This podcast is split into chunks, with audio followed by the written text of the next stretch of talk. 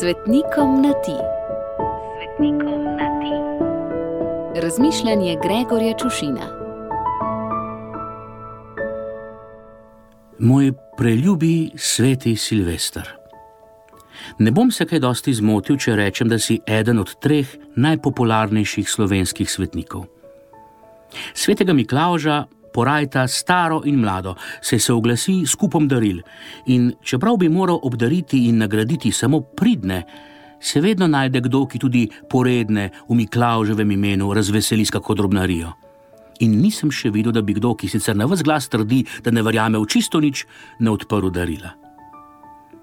Svetega Martina časti tako verno kot neverno ljudstvo.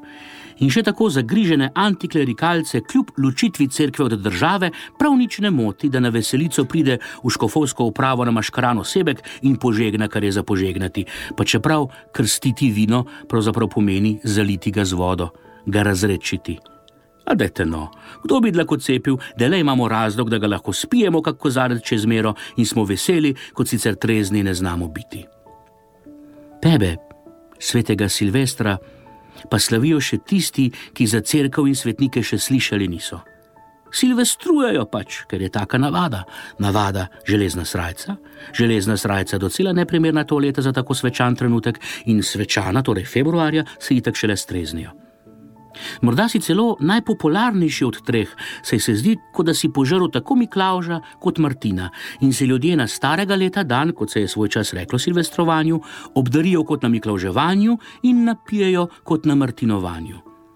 Slišiš pobožnih obljub in za obljub, od zdaj naprej pa za prve nikoli več, oziroma od jutri pa res čisto vsak dan, tisočkrat več kot Miklauž. Vendar se jih po nekaj dnevih morda največ nekaj tednih, nobeden več ne spominja, kot da jih je izbrisal Martinov krst, ki sicer ne more izbrisati izvirnega greha, zmore pa izbrisati spomin, saj se trezen človek le redko spomni, kaj je pijan delal.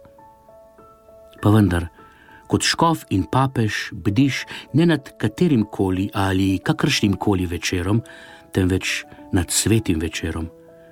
Prehod starega na novo je vedno svet pa če gre za leto, in še toliko bolj, če gre za človeka.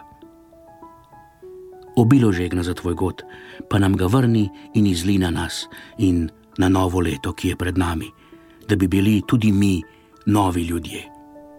Gregor.